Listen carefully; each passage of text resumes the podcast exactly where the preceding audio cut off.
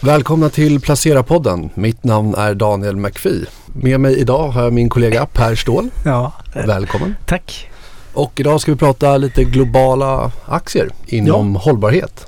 Ja, men definitivt. Eh, Vilket ska bli, tycker jag, jättespännande. Det kommer att bli en hel del kring FNs globala hållbarhetsmål Ja.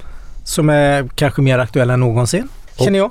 ja. Och med oss för att göra det har vi Philip Ripman från Storebrand Global Solutions. Välkommen hit. Hyggligt, tack. Berätta lite om din bakgrund. Du är förvaltare på eh, fonden då som ska jag säga heter Storebrand Global Solutions. Ja. Eh, och ni eh, är en så kallad fossilfri global aktiefond med fokus på FNs globala hållbarhetsmål. Ja.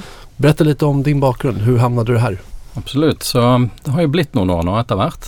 Så jeg kom inn i Storvann i 2006. Hadde vel egentlig ikke sett for meg en karriere innenfor finans. Jeg har en utbildning innenfor først statsvitenskap, og så har jeg master i kinesisk språk og business. Så um, det var ikke gitt at jeg skulle inn i finansindustrien. Så kom jeg tilbake igjen en litt rann, og fikk i hvert fall da tilbud om å kunne da bli med som holdbarhetsanalytiker, først og fremst da i Storvannesset Management. Og i, ja, gjennom litt ulike erfaringer så fikk jeg da muligheten til å ta over en portefølje i 2015. Som på det tidspunktet i Sverige het i hvert fall Global topp 100. I, Norge hadde det et annet navn, det var samme fond, men bare et speil av hverandre. Og fikk et mandat til å kunne videreutvikle det konseptet. Og vi kommer jo da fra et, en periode hvor dette med best in class-fond, som sikkert husker var på en måte på, sikkert riktig for den tiden vi var i. Det var litt der den industrien var. Men kjenslen var jo at ok, vi var moden for noe annet. Det passet ikke helt med måten vi pratet rundt dette med holdbarhet. Og så kom jo disse globale målene etter hvert. Og det var jo et ganske stort skift for meg, for det, det betyr at jeg fikk i hvert fall beveget diskusjonen bort ifra hva betyr holdbarhet, og hvilken definisjon er det man benytter, over til et sett hvor vi kunne si dette er utfordringen vi står overfor. Vi vet at dette er utfordringen, vi er enige om at dette er utfordringene. Og vårt, eh, på både vår oppgave i etterkant ble da å hitte de bolagene som vi mente var med på å løse noen ut av disse utfordringene. Men da slapp vi å prate om dette med definisjoner, ja, hvilke utfordringer, hvorfor disse utfordringene. Det var et sett å forstå at her var det enighet rundt hvilke utfordringer vi står overfor. Og så um, Jeg tykker jo hvis du tar bort hele holdbarhetsaspektet Nå er kanskje dette litt rart, gitt at eh, vi skal snakke om holdbarhet som en del ut av dette, men om du tar bort hele holdbarhetsaspektet, og du egentlig bare stiller deg en idé rundt at ok, vi skal investere i bolag som har en løsning på noe som vi har sagt er en samhellsutmaning, så tykker jeg ikke det er et dårlig sted å være i utgangspunktet. All other things being equal, som de sier. Men det er et greit utgangspunkt for å hitte bolag som rett og slett skal være et større ønske rundt det de leverer i tiden som kommer. Og ni går ifrån da, som du sier, i stedet for å prate om hva hållbarhet er, så har ni også pratet om fyra teman som ni holder dere til. Ja. Kan du berätta litt om de här temaene? Hva er det ni Ja, har for teman og hvordan jobber ni kring dem? Og så kan jeg også kanskje legge til en viktig dimensjon for meg, da, var at eh, dette med holdbarhetsratinger Jeg er ikke så glad i de, for å si det rett ut. Um, de kan være veldig fine å ha med for å gjøre enkelte ting i enkelte typer porteføljer. Men utfordringen med en holdbarhetsrating er jo at som ofte så består den av hva, 100 KPI-er med ulike, ulike informasjon og ulik kvalitet på den informasjonen. Og en av de tingene vi så, var jo da at de som oftest ikke hadde en innretning på hva selskapet produserte eller leverte. Det var som oftest på hvordan. Det som jeg kaller prosess. Og det, blir- det kan jo bli veldig viktig det, og så har du tre-fire bolag som er ungefær likedan, og så vil du se ok, hvem er det som gjør det på best mulig sett, så kan det være viktig. Men du kjøper ikke et bolag for hvordan de gjør noe, du kjøper det for hva de gjør, eller hva de leverer. Og den innfallsvinkelen manglet litt. Så det var et av de søftene vi satt sammen når vi så på dette med solutions-området, var at vi ville flytte den diskusjonen til hva de gjør. Og Så kan vi gjerne diskutere hvordan etterpå, men innfallsvinkelen vår da er å finne en produkt og en tjeneste som er med på å løse disse utfordringene som vi står overfor. Så må det kunne sies det er 17 holdbarhetsmål. Det er mange, det er altfor mange for de fleste å sette seg inn i, spesielt når du går ned på ulike nivåer av submål og subtema osv. Men det vi gjorde var å gjøre en større gjennomgang av dette og identifisere kalle fire hovedområder som ga oss fleksibilitet, fleksibilitet til å sette sammen en god portefølje, og som vi mente det var en rød tråd gjennom flere av holdbarhetsmålet på. Så klimatområdet gjennom også fornybar energi selvfølgelig står veldig sterkt med to av holdbarhetsmålene selvfølgelig, som har det som hovedfokus, men du finner det i flere av de andre også. Så vi har fornybar energi, vi har dette med smart cities, eh, som også er der. Hvordan bygger du infrastruktur på en smartere måte enn tidligere? Hvordan støtter det opp under en grønn utvikling og en transisjon? Og innenfor der så har vi områder som mobilitet, altså hvordan du kommer deg fra A til Z. Ikke bare A til B, men liksom hele systemet innenfor det, som kan inkludere alt fra mikromobilitet opp til kollektivtransport f.eks. Og også dette med søtvann som et viktig element, spesielt fordi det leveres ut i større og større tilgang til befolkningen som bor i urbane strøk. Og som har vært et av de temaene vi kan snakke litt om i forhold til Q3 som har vært interessant å følge med på. Men det var to. Så beveger vi oss nedover, så har vi da sirkulær økonomi. Konseptet av at du skal gjøre mer med mindre, rett og slett. Eh, og få mer sirkularitet. Nå tror jeg det nettopp kom enda et nytt fokuspakke eh, fra EU vel her i går, mener jeg, på at vi skal ha enda høyere ambisjoner knyttet både til resirkulering, men at de kommer til å sette enda mer fokus på gjenbruk. Så ikke bare at det skal samles inn og brukes som en ressurs, men rett og slett at man produserer med en tanke på at ting skal kunne gjenbrukes. da. Som også setter på hva og hvordan man produserer noe litt mer i fokus. Og det får jo også støtte gjennom altså dette med Repower EU, som kom litt sånn i kjølvannet av Ukraina, altså EU sin pakke på hvordan vi skal levere energi på en god måte de neste årene i EU, så var jo vil jeg si at det var fint å se at det var fordelt nesten 50-50 mellom hvordan vi produserer energi, men også hvordan vi reduserer energiforbruket. Og her har jo Norden vært litt i en særklasse av at vi liker å ha veldig varme hus og lys på overalt uten at vi er i rommene. Så vi har en del kaller efficiency gains, som de sier å gå på. Og så har vi en dimensjon som er kanskje mer sosialt innrettet. Dette har også vært viktig fordi at det er mye fokus på det grønne, og det spiller jo selvfølgelig en viktig rolle. Men det er jo kun akademisk at ting eksisterer som binære forhold, egentlig. Sånn 1-0, at det er grønt eller ikke. Veldig ofte så finnes det sosiale dimensjoner i det grønne også. Men den mer sosialt innrettede temaet vi har, er jo dette som går da på equal opportunity, som det heter. Altså tilgang til digitale tjenester, tilgang til finansielle tjenester og tilgang til helsetjenester som tre hovedelementer i det. Og disse temaene til sammen da gir oss den fleksibiliteten at vi har en eksponering mot alle sektorer, for utenom olje og gass, siden vi er fossilfritt, som du nevnte. Um, men det gir oss da muligheten til å sette sammen en godt diversifisert portefølje på den måten vi tenker på, i hvert fall. Uh, gjennom disse ulike temaene.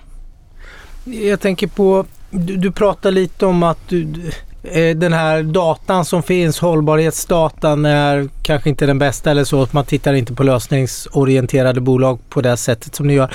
Hur samlar ni in data? Bearbetar ni mycket data själva? Är det en, tycker du en fördel för er som fondbolag eller för fonden att ni, ni hanterar mycket data eller har processer för det? Hur fungerar det? Ja, så det korte svaret ja. Vi blir i større og større grad en sånn big data uh, buyer, vil jeg si. Så vi kjøper veldig mye data fra ulike leverandører. Det har sine fordeler ved det, selvfølgelig, at du får et økt fokus på standardisering av data. At du får en lojalitet til hvordan dataene er satt sammen og reprodusert år etter år. Det er også et fokus på det i EU-sammenheng, selvfølgelig med nye regelverk. Eh, at selskapene skal rapportere på det settet som gjør det enkelt å forstå og bruke. Og alt det har sine fordeler, men det har jo også sine ulemper hvis man tenker prising, og da er alt kjent informasjon f.eks.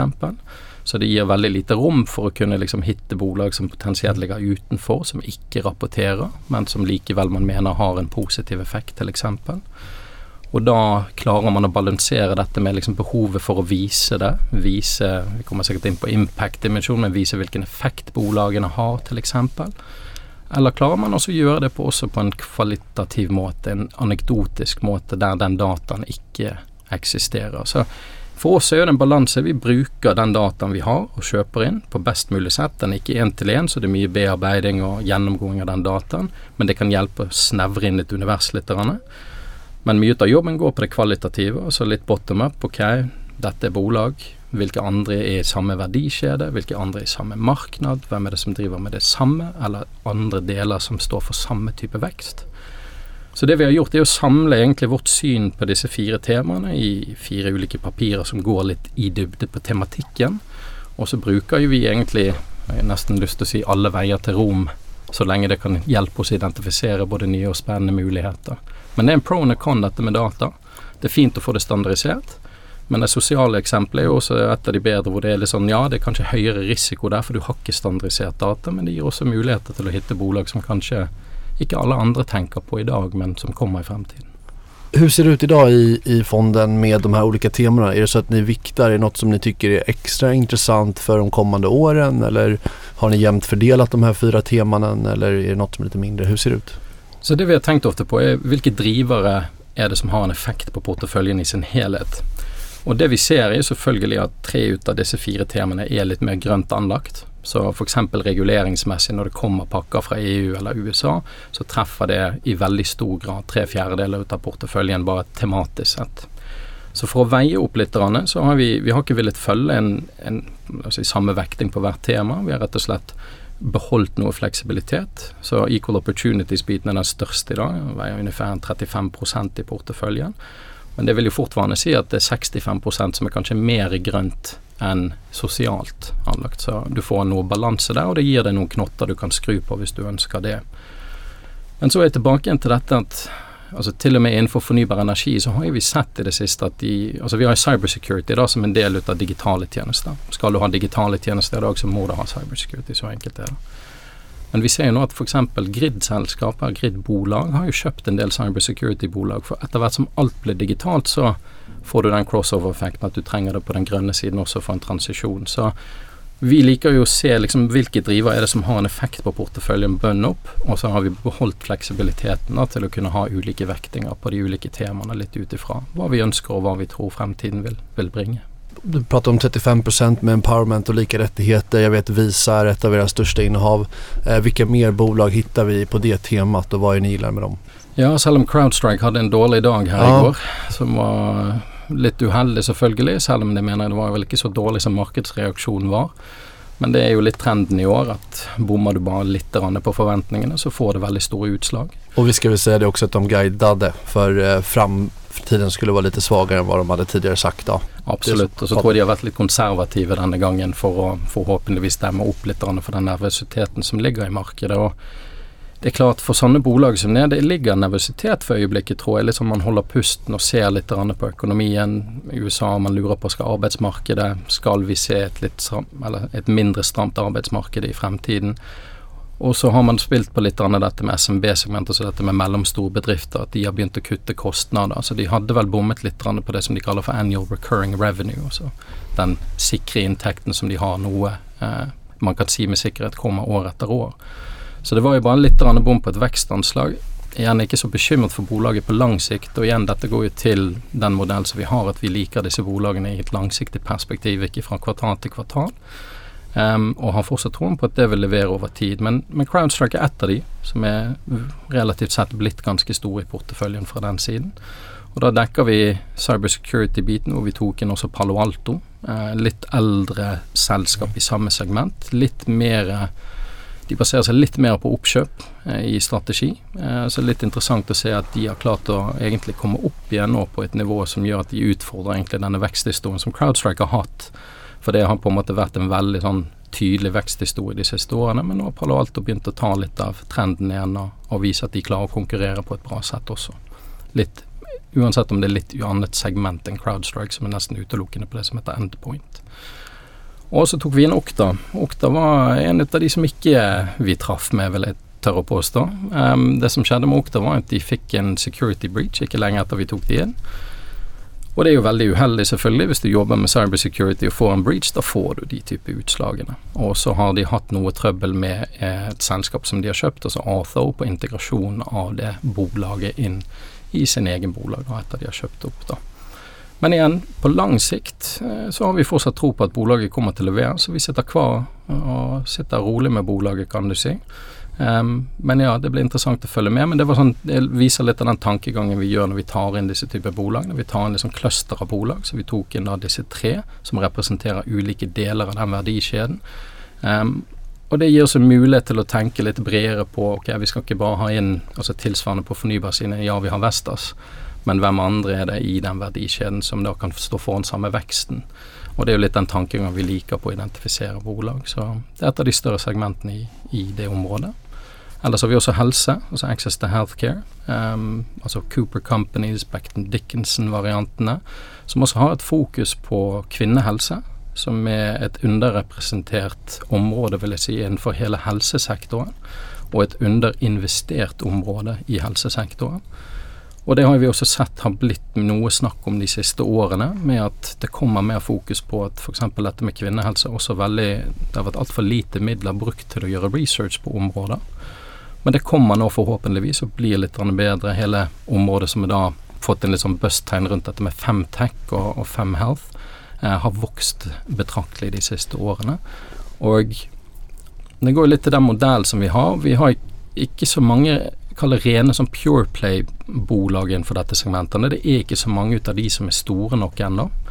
Så vi har da en del av disse som nevnte, så Beckton Dickinson og Cooper Company, som gjør litt av det, samtidig som de også gjør litt av noe annet. Så Cooper er fordelt mellom rett og slett øye, altså vision, og så da surgical-siden, som har et fokus på, på female healthcare.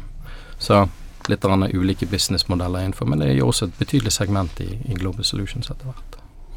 Du är inne på det här med Crowdstrike, var nere mycket igår. Eh, de var väl nere 15 procent tror jag till och med. Eh, och man vet ju också att eh, inom, om vi tar klimatinvesteringar så ser vi oftast ganska höga värderingar med klassiska ESG-bolagen, i alla fall om vi tittar i Sverige men även i USA. Ja. Hur värderingskänsliga är ni i fonden och hur hanterar ni den frågan? Nej, absolutt. Og, og forny, hele fornybarsegmentet hadde jo en fenomenal vekst i løpet av 2020. Det så vi så kommer jo dette kalle rentespøkelset og økt inflasjon inn. Og i en periode der så var jo det ganske rough sailing, holdt jeg på å si, til, ja, til februar 2022, vil jeg vel si, når vi da ser Ukraina-krisen komme frem. Og det er klart at hadde man solgt av veldig mye i løpet av den perioden, så hadde ikke man fått med seg den oppturen som da har kommet egentlig i etterkant. Så ja, vi er kjenslige til det. Vi har et langsiktig perspektiv på verdsettelse, og det går mye på posisjoneringen til bolagene på langsiktig sett. Altså tror vi at disse bolagene kan vokse over tid? Tror vi at de kan ta en hovedposisjon innenfor de segmentene de opererer innenfor? Og Vestas er jo litt der i dag hvor du kan gjerne stille spørsmålstegn ved altså P-verdien til, til Vestas. Absolutt så er den høy, men hvem andre er det som skal gjøre den jobben som Vestas gjør? Du har ikke så mange muligheter i dag.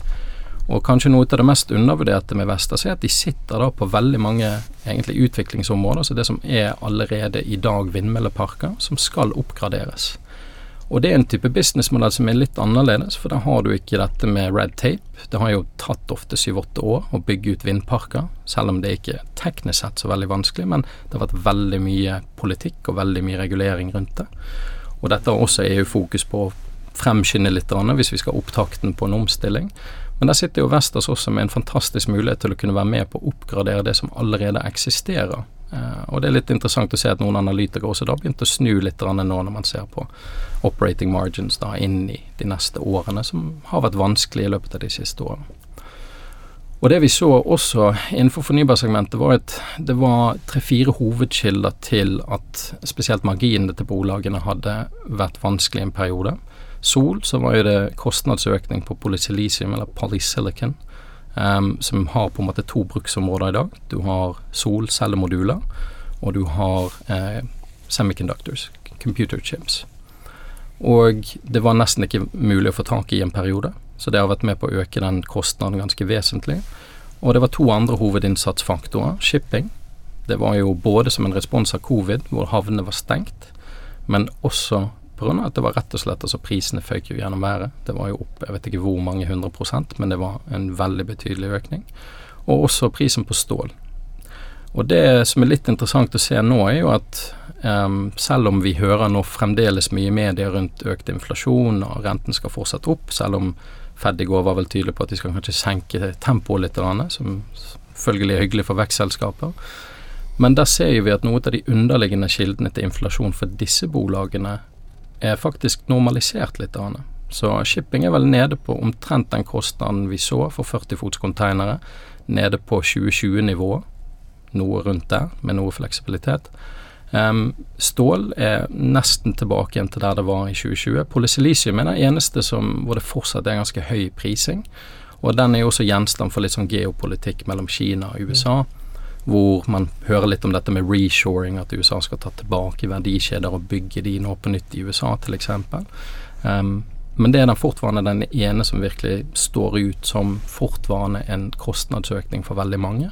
Men de andre begynner å bli normalisert, og flere av bolagene som vi har pratet med, har på en måte satt grønt lys på veldig mange supply chain eh, logistikkproblemer som de hadde, og som ble litt buzzordene i løpet av 2021 spesielt.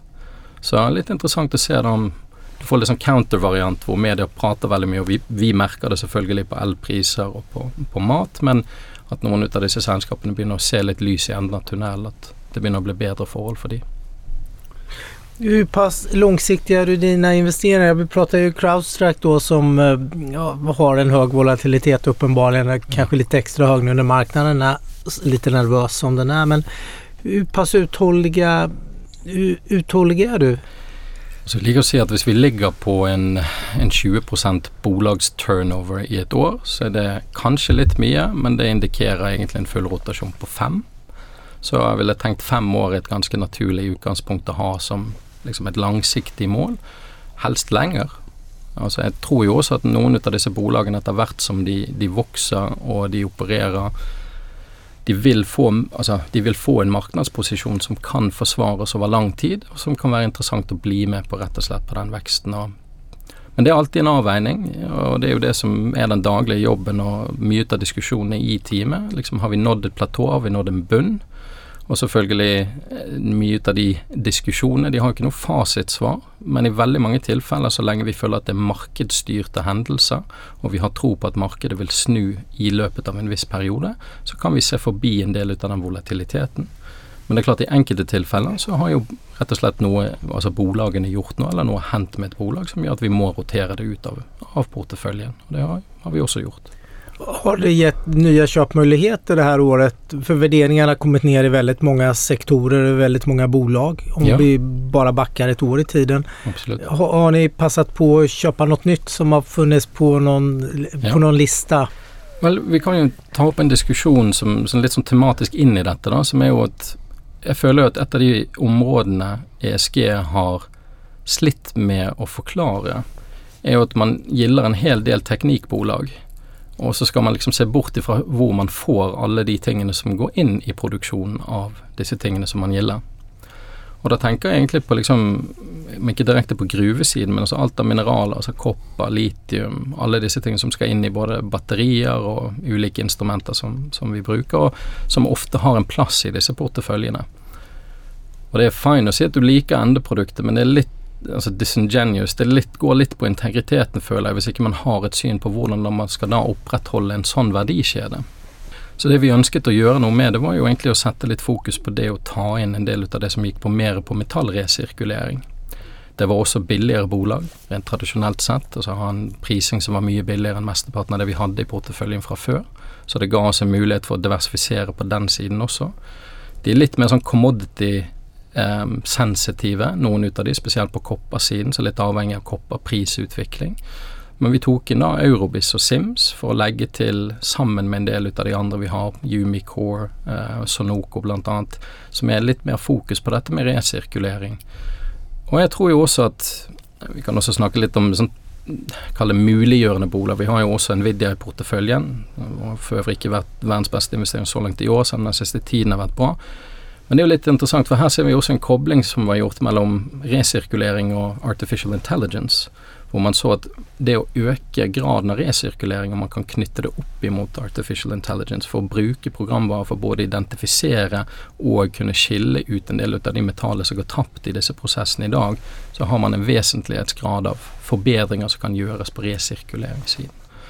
Og jeg tror jo det er veldig mye f.eks. kopper i omløp i dag og hadde vi fått til en bedre resirkulering, hadde vi fått til et bedre tankesett rundt resirkulering, så hadde vi kunnet ha mye mer av hovedkilden vår fra det enn å tenke at vi skal få f.eks. opp med et nytt gruvebolag eller en ny gruve, f.eks. Så det er ikke hele svaret. Resirkulering metall kan ikke dekke hele behovet, for det kommer til å vokse veldig, veldig mye. Men vi må ha mer av den sirkulariteten på plass. Vi trenger mer resirkulering, spesielt når vi går på mineralsiden. Og her finnes det markeder som er i ferd med å vokse frem etter hvert, som er veldig interessante. Vi ser også businessmodeller rundt første generasjons elbilbatterier, f.eks. Det har ikke vært et marked for det tidligere, fordi at de fleste har vært i operasjon. Nå begynner den første generasjonen å komme ut av markedet igjen.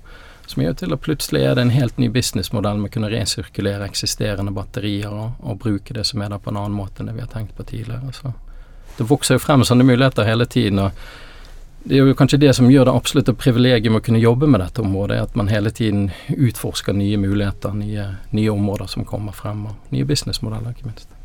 Och det kommer ständigt nya bolag inom, för det är ett växande område. Jag, jag såg bara någon analys nu med den här stora amerikanska, vad heter den, Inflation Reduction Act. Ja. Att där spådde man att det skulle skapa kanske 2000 nya bolag någonting nu. Absolut. Inom hela hållbarhet och en, förnybar energi i hela den här sektorn.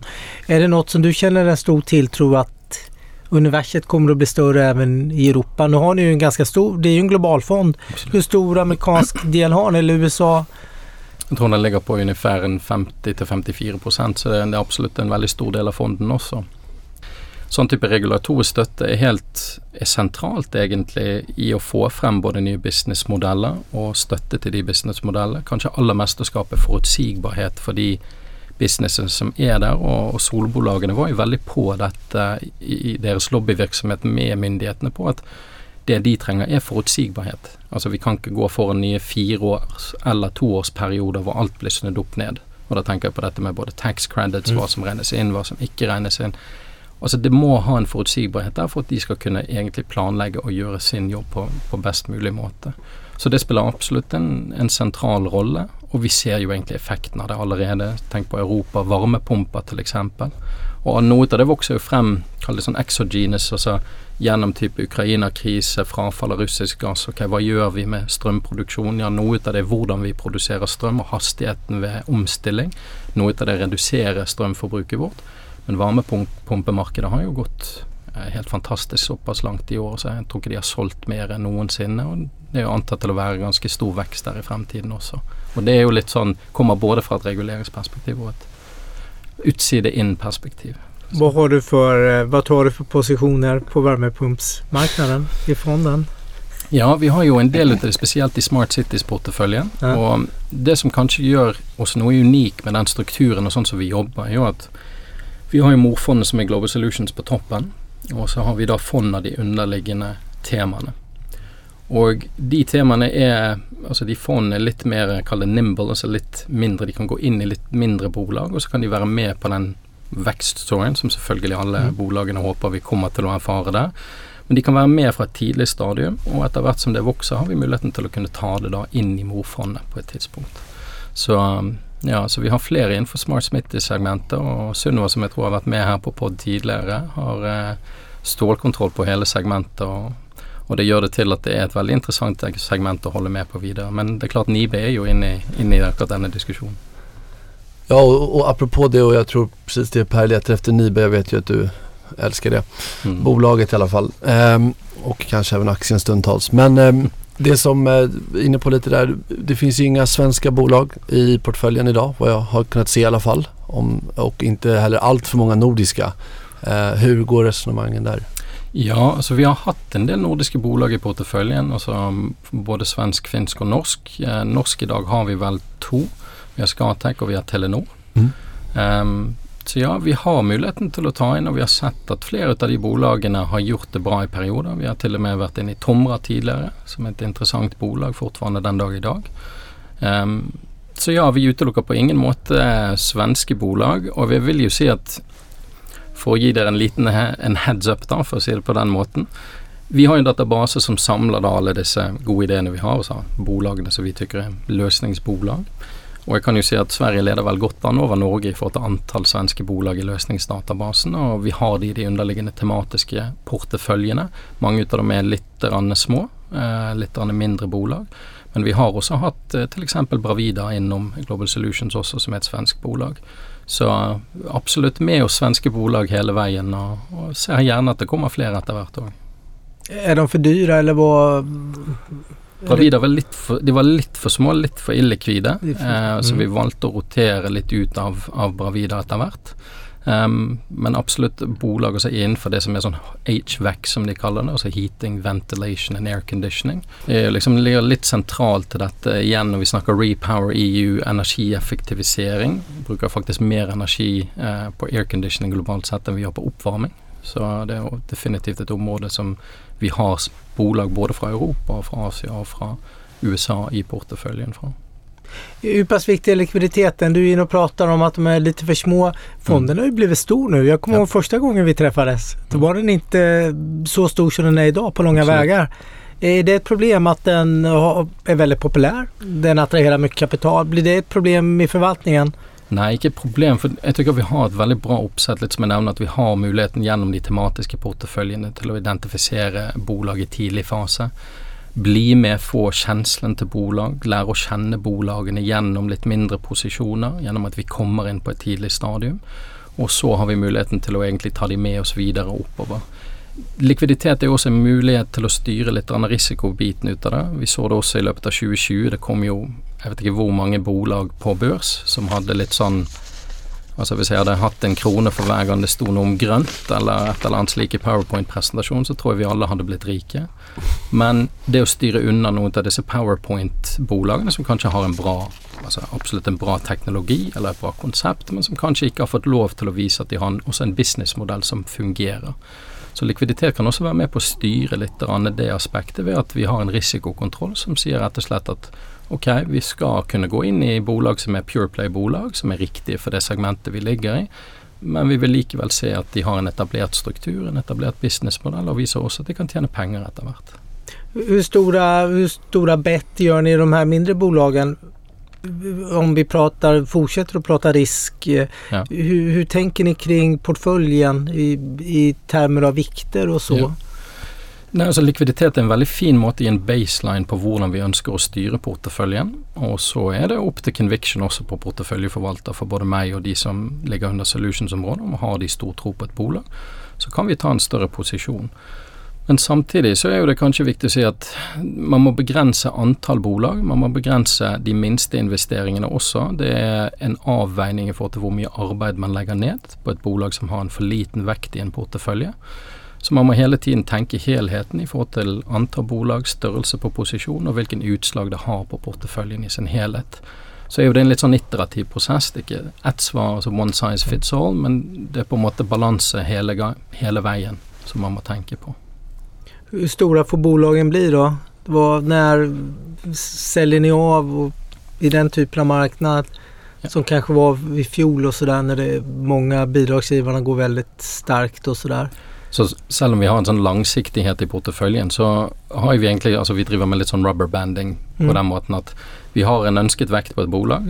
Går bolaget over, så tar vi litt profit-taking i bolaget. Går bolaget under, så er du hele tiden nødt til å revurdere caset på rett og slett er dette et bolag som da har en kjøpsmulighet, om vi ønsker å vekte oss opp igjen til den originale vekten som vi hadde satt for bolagscaset og det gjør vi kontinuerlig for alle posisjoner, slik at vi tar kontinuerlig litt profit-taking på de som gjør det bra. Og så er vi stilt med den utfordringen at ok, skal vi fortsette å vedlikeholde en vesentlig vekt i et bolag som går dårlig, eller skal vi faktisk redusere eller kvitte oss med den posisjonen som vi har. Så vi er egentlig en modell for å kunne gjøre det egentlig fortløpende for alle de porteføljene vi styrer. Er det svårt å selge innehav? Er det en jobbigere prosess enn å kjøpe, om du forstår? Både ja og nei, selvfølgelig. Altså, man, I sånne porteføljer Man lærer å kjenne bolag, man har bolagene i en portefølje for en grunn. Så det er klart, man må, man må være varsom på å ikke ha for mye bias mot investeringene sine. Men jeg tror det ville vært disingenuous å sitte og si at man ikke har det. Man må bare være klar at man har en bias når man har valgt å investere i et bolag. Og så må man hele tiden utmanne seg selv. Det er derfor det er veldig fint med team også, sånn at ikke det er bare én som sitter og ser på en portefølje, men jeg har muligheten til å både ta med meg case til teamet, og kan bli utmannet fra teamet også på ja, men er dette riktig, skal vi fortvarende ha det i porteføljen, osv. Alle de diskusjonene som er verdt å ha. Men det er klart, ja, på sin helhet er svårt å selge av eh, et bolag som man har likt av ulike årsaker, og det kan være ulike årsaker til at man må selge. Mm. Sådana saker man kan känna igen kanske i egna portföljen lite Ja grann. men det var lite så jag tänker. Det är så lätt att man sitter kvar med bolag som man tror väldigt mycket på men som har gått ganska dåligt och Mm. tenderar att gå dåligt. Men Ja. på något sätt eh, då kastar man in handduken tänker jag när man på något sätt fattar det här säljbeslutet. Ja, og så går jo mye tiden som alle andre gjør da når de ser på et bolag i så tilfelle. Altså hvorfor går det dårlig? For det er ulike Altså det er jo selvfølgelig ulike kilder til hvorfor det går dårlig. Og hovedkjenselen min er jo at så lenge Ok, markedet vil si én ting, og det er viktig å lytte til markedet, absolutt. Men det er også viktig å ikke bli blindet av markedet, som f.eks. i disse dager er fryktelig volatilt, og som styres veldig mye fra sentiment.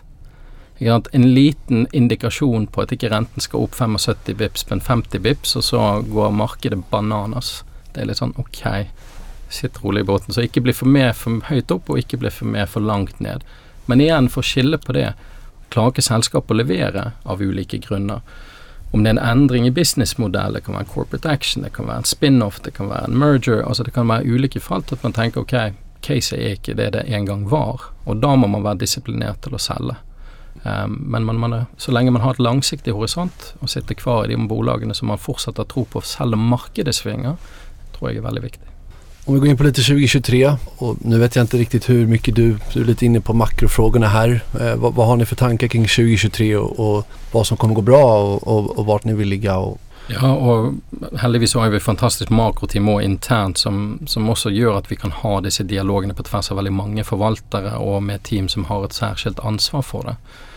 Men det er klart for min del når jeg ser inn i 2023, altså det er pros and cons, det er gode sider, det er negative sider. Jeg tror jo ikke renteøkning, det har vi allerede begynt å få tegn på, at i hvert fall takten for renteøkningene vil avta. Det tror jeg ble ganske tydelig, men om det er 2022 eller 2023 kan diskuteres i dette fallet. Um, men at inflasjonen kommer ned, det tror jeg på et tidspunkt vil være tilfellet både for eurosonen og for, for USA. Um, om den kommer ned til ønskemålet fra sentralbankene, det tviler jeg på. Det er nok en lengre prosess. Og så får vi se til hvilken grad renten skal opp for å kunne fasilitere for det. Men det vil selvfølgelig være det som tror jeg i veldig stor grad dominerer mye ut av markedsbevegelsene også neste år. Disse diskusjonene, forventningene rundt det. Kommer de til å øke med så og så mye, kommer de ikke til å øke? Og vi ser at det har en Altså i løpet av i år så har det hatt en veldig, veldig stor effekt. Samtidig så vi har jo denne Ukraina-krisen som kommer ikke til å gå noe sted med det første. Det setter et fokus på energi i sin helhet, og det er ikke utelukkende et fornybar problemstilling. Dette er også et spørsmål innenfor olje og gass. Eh, hvordan vi kommer til å håndtere intermittency, seasonality, som det heter innenfor fornybar. Skal vi løse det ved gass? Skal vi løse det med mer kjernekraft? Nå så vi, jeg tror heldigvis for Europa, at kjernekraft, altså noen av de reaktorene som Tyskland hadde, ikke ble stengt ned. For det er viktig å si at altså, fornybart løser ikke seasonality og intermittency-problematikken vi har på fornybarsiden. Og det tror jeg ofte når vi diskuterer disse tingene, så blir den realitetsorienteringen glemt. Så ja, selvfølgelig må vi ha masse investeringer i å få opp mer fornybar produksjon, men vi må også ha et svar på hvordan vi løser eh, dette med som sagt seasonality og intermittency. For jeg tror noe av det verste som kan skje her, er at vi får en, altså en polemikk, en, en diskusjon i Europa rundt at et grønt skifte koster oss for mye. Og da tenker jeg nesten på, altså utelukkende på menneskeliv. Hvis det blir slik at folk fryser i hjel fordi at de har ikke råd til å betale strømprisene, da er det fort at politikken ikke kommer til å støtte en videre grønt skifte. At noe av det tempoet tas ned. Så det er viktig å ha en balanse der. Så det er vanskelig å være politiker i disse dager, tror jeg, å holde den balansen riktig, for å si det pent. Så jeg tror det vil være en stor dimensjon i det vi kommer til å prate om inn i 2023, og kanskje spesielt inn da mot vinteren 2023 mot 2024. Så er det interessant å se at dette har jo også betydd at vi har fylt våre gasslagre med LNG. Det har vi tatt vel å merke fra det amerikanske markedet, som betyr at Asia har hatt mindre tilgang til LNG, som betyr at de har økt sin bruk av kull. Så det er mye her som ikke er bærekraftig, altså som er holdbart på sikt. Så vi må diskutere litt sånn større løsninger, tror jeg, enn bare for eurosonen eller bare for USA. Og det er jo kanskje litt synd å se da at COP-møtet kom kanskje ikke ut med et resultat som var fryktelig liksom, mye mer ambisiøst. Men jeg håper at det finnes liksom rom der for å kunne videreføre samarbeid, og det virket som spesielt kanskje tonen mellom Xi og Biden var bedre i, et, altså, i etterkant av COP. Og jeg tror det spiller en veldig veldig viktig rolle hvis vi skal få til både en omstilling, men det spiller en veldig viktig rolle for den globale økonomien generelt sett at forholdet mellom USA og Kina er ok. Trenger ikke å være rosenrødt, men eh, ok må det i hvert fall være. Ja, og veldig mange interessante intressanta Og och med de ordene orden får vi takke deg, Filip for at du kom og pratet med oss her på Placera. Takk for at jeg fikk muligheten. Takk så mycket.